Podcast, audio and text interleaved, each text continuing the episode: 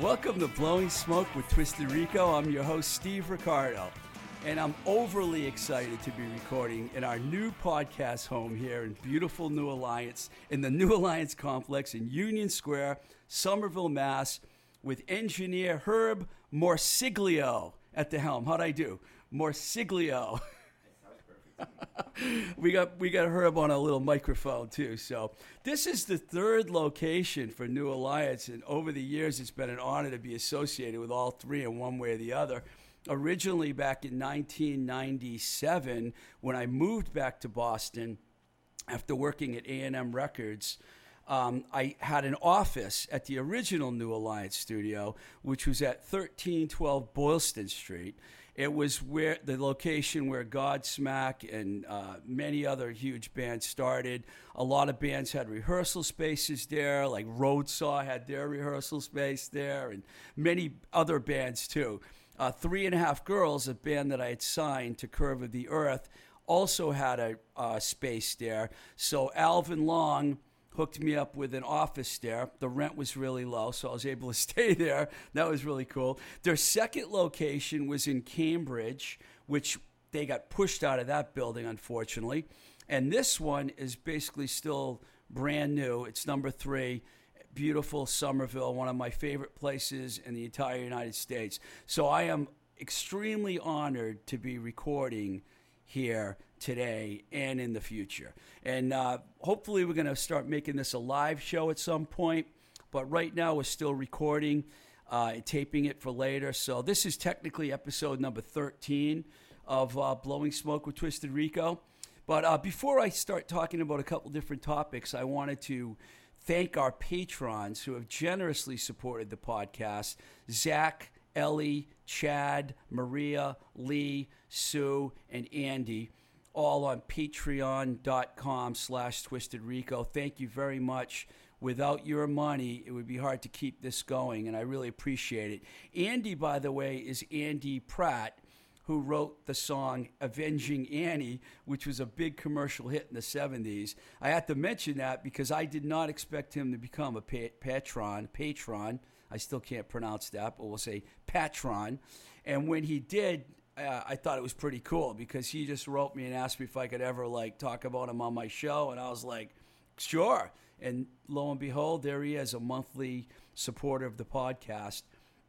If you want to contribute to this, the way I was speaking, just go to Patreon, P A T R E O N dot com slash Twisted Rico. A mere $1 a month is the minimum. So if you donate $1 a month, it's beautiful. It's a beautiful thing.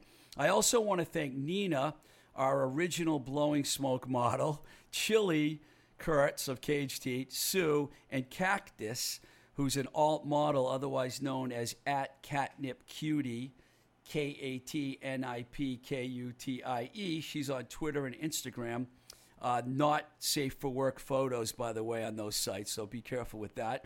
Where you turn, where you decide to check it out. They've all sent in photos of themselves wearing blowing smoke with Twisted Rico T-shirts, which, is, which has made me very happy.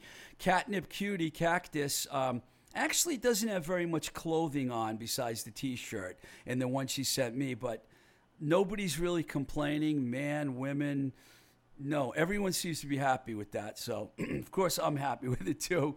Uh, I want to talk about a couple different things this week. One is last Saturday, my good friend Alvin Long, who has an office right down the hall here and actually started New Alliance Studios, uh, you know, the, he's the mastermind behind the art and music facility that I actually am sitting in right now. Joined me in checking out garage rock legends and Boston royalty, the Lyres, at the Once Ballroom in Somerville, right down the road. I'd never been there. I found the venue to be really cool. And, you know, we had an awesome time, man. And it was great seeing the Lyres, who have been around for, I understand now, 40 years they've been rocking. I remember when I was at WDJM in Framingham, college radio music director, we were playing the Lyres back in 1981, 82, 83. They're still playing. The band's current lineup, which has been together now for almost 10 years, features my old friend Steve Aquino on guitar and Dave Suspaniak, otherwise known as Dave Spaz, on bass. Couple of Wormtown guys from Worcester. We called Worcester Wormtown because back in the old days, Wormtown punk was a thing, and I still refer to it as Wormtown. Those two guys joined joined um, drummer Paul Murphy and the man himself, Jeff Connolly, who, from what I understand, does not like being called Mono Man anymore. But I will forever be calling him Mono Man. He'll be my Mono Man forever. And uh, they were excellent. The band was in amazing form. They played old songs, new songs. We're talking about a fine oiled garage rock machine. I mean, everything about this band is intense. And from what I hear, their rehearsals are even intense. I've been told by some of my friends in the band that they will play a song for like an hour straight until they get it down and Jeff Connolly's happy with it, which I think is like it could be considered a little over the top, but you can't argue with the formula of the Lyres because the band has been so successful for so many years. In regards to this show, I was mostly impressed by Steve Aquino's incredible guitar playing. He's probably one of the most underrated guitar players in the business. I'm not just talking about garage rock, I'm talking about the music business in general. His playing that night was just phenomenal to go along with Jeff's keyboards and the, the rhythm section. So I was blown away. What really blew both Alvin and myself away was who was in the room. It was like a who's who of the Boston music scene. I mean, I'm sitting there, and all of a sudden, Clint Conley from Mission of Burma walks by me, and I'm like, wow, Clint Connolly's here. But that was only the beginning because Margaret of the legendary punkified, Margaret Garrett of the legendary punkified blues band uh, duo, I should say, Mr. Airplane Man, who now has a new band called True Horizon, was in the room. Mitch from Triple Thick was in the room. Cam and uh, Kim Acklin of the Black Souls were there. Of course, Cam was the singer of one of my all-time favorite Boston bands, the Prime Movers, which way back long ago, in I believe 1981, played a Battle of the Bands in Somerville, not too far from where we are.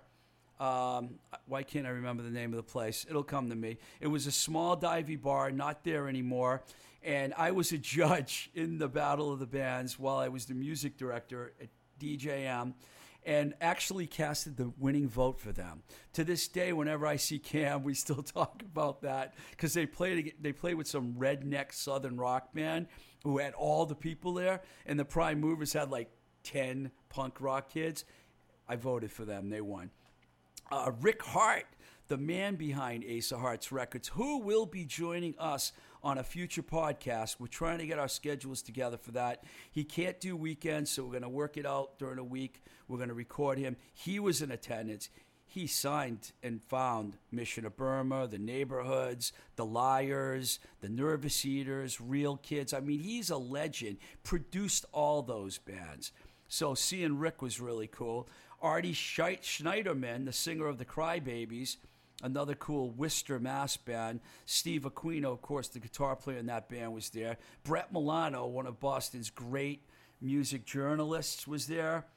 The crash course from the Ravers dude, Brian Young, who's always a trip, was in the room. I talked to him for a few minutes. He does a show on WMFO in Medford at Tufts. I've been on his show a few times. He was there. And last but not least, Randall from the great Boston band Scruffy the Cat. It was an incredible turnout and a lot of fun being out um, in Somerville for my first time at Once Ballroom. Okay, so this is a more kind of depressing segment, but it's something we got to talk about. A lot of famous rock stars have been passing away lately, and one that really hit home recently for me was Ric Ocasek.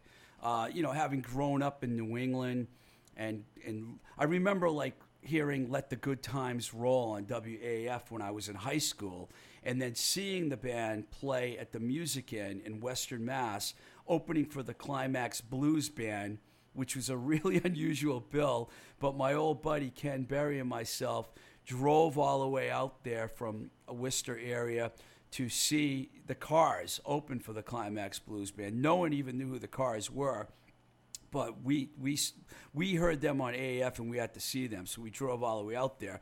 I I actually got to meet Ric Ocasek that time that day for the first time.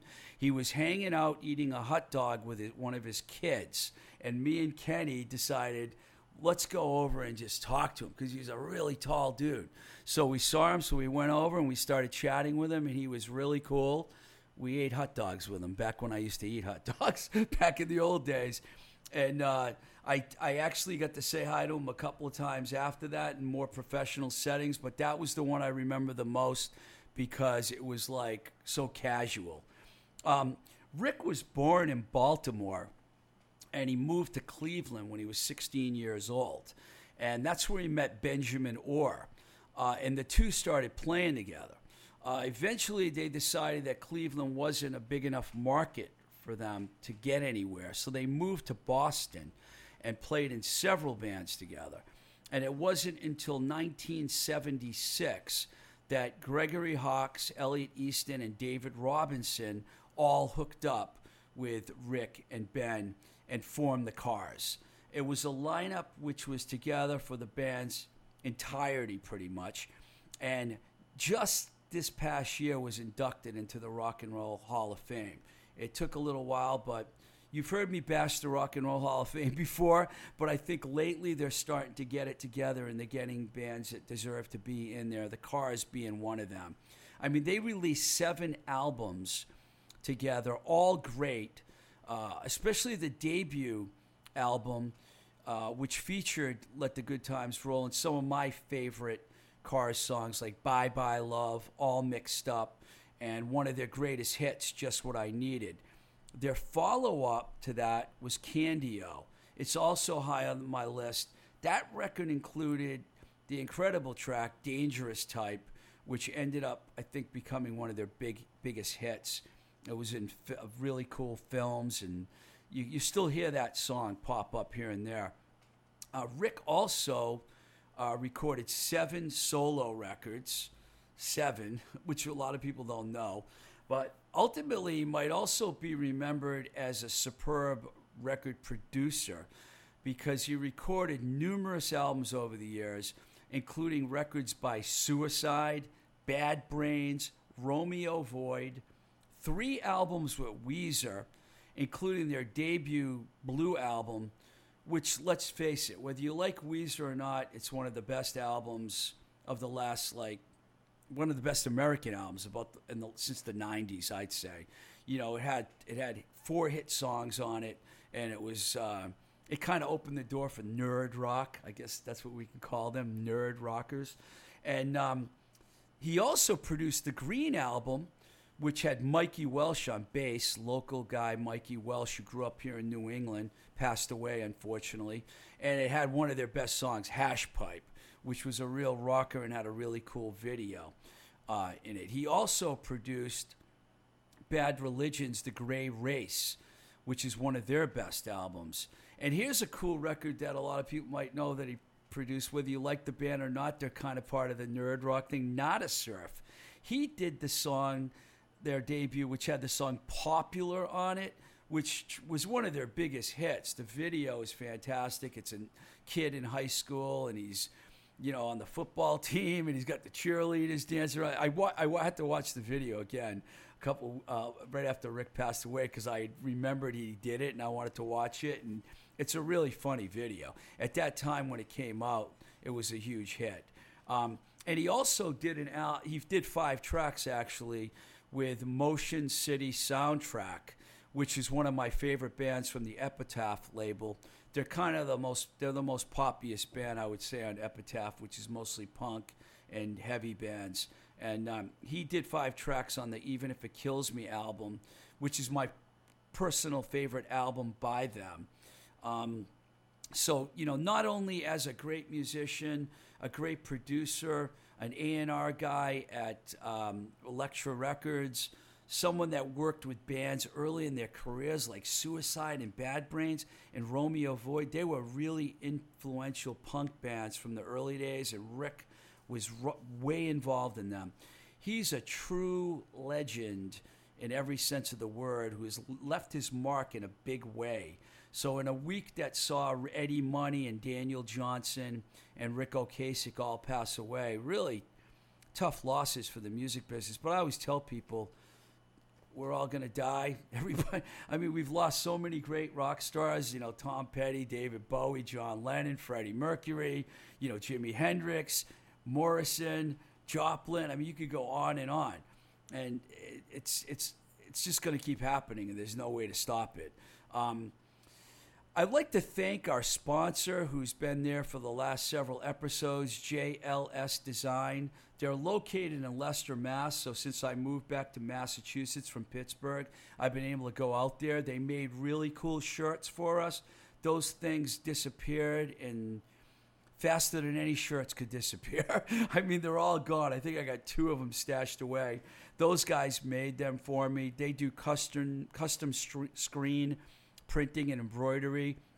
It's a great place for bands to get all their t-shirts, hats, hoodies, etc. If you go there and you mention Blowing Smoke with Twisted Rico, you'll get 10% off your order. It's jlsdesignprinting.com and it's jlsdesignsales at gmail.com. Uh, once again, thank you for listening to Blowing Smoke with Twisted Rico podcast. And please consider supporting us for a dollar a month on the Patreon page, which is patreon.com slash Twisted Rico, where you can get exclusive updates, photos, etc. We really enjoy doing this, and I have a feeling it's going to get better and better now that I'm here at New Alliance, and I've got all these people that want to be on the show. I talked to Rick Hart. He's down. Alvin Long's going to be on possibly next the next episode. Greg Allen, who's a guy that started in New York and moved to Boston. Chili Kurtz. I'm going to have the Charms on. Uh, there's other people I'm not going to mention. I've talked to. I want to get them confirmed, and so I'm really excited about this. Lastly, before I go, a farewell and dedication to my cat and friend of 17 years, Angel City who passed away this past week. It was a tough week, but my memories of her are great. She lived in six states with me, with her brother Moro, who passed away last year, and sad, but gone, but not forgotten. So till next, till the next time we say goodbye. This is Blowing Smoke with Blowing Smoke with Twisted Rico. I'm your host Steve Ricardo. Keep the rock and roll alive.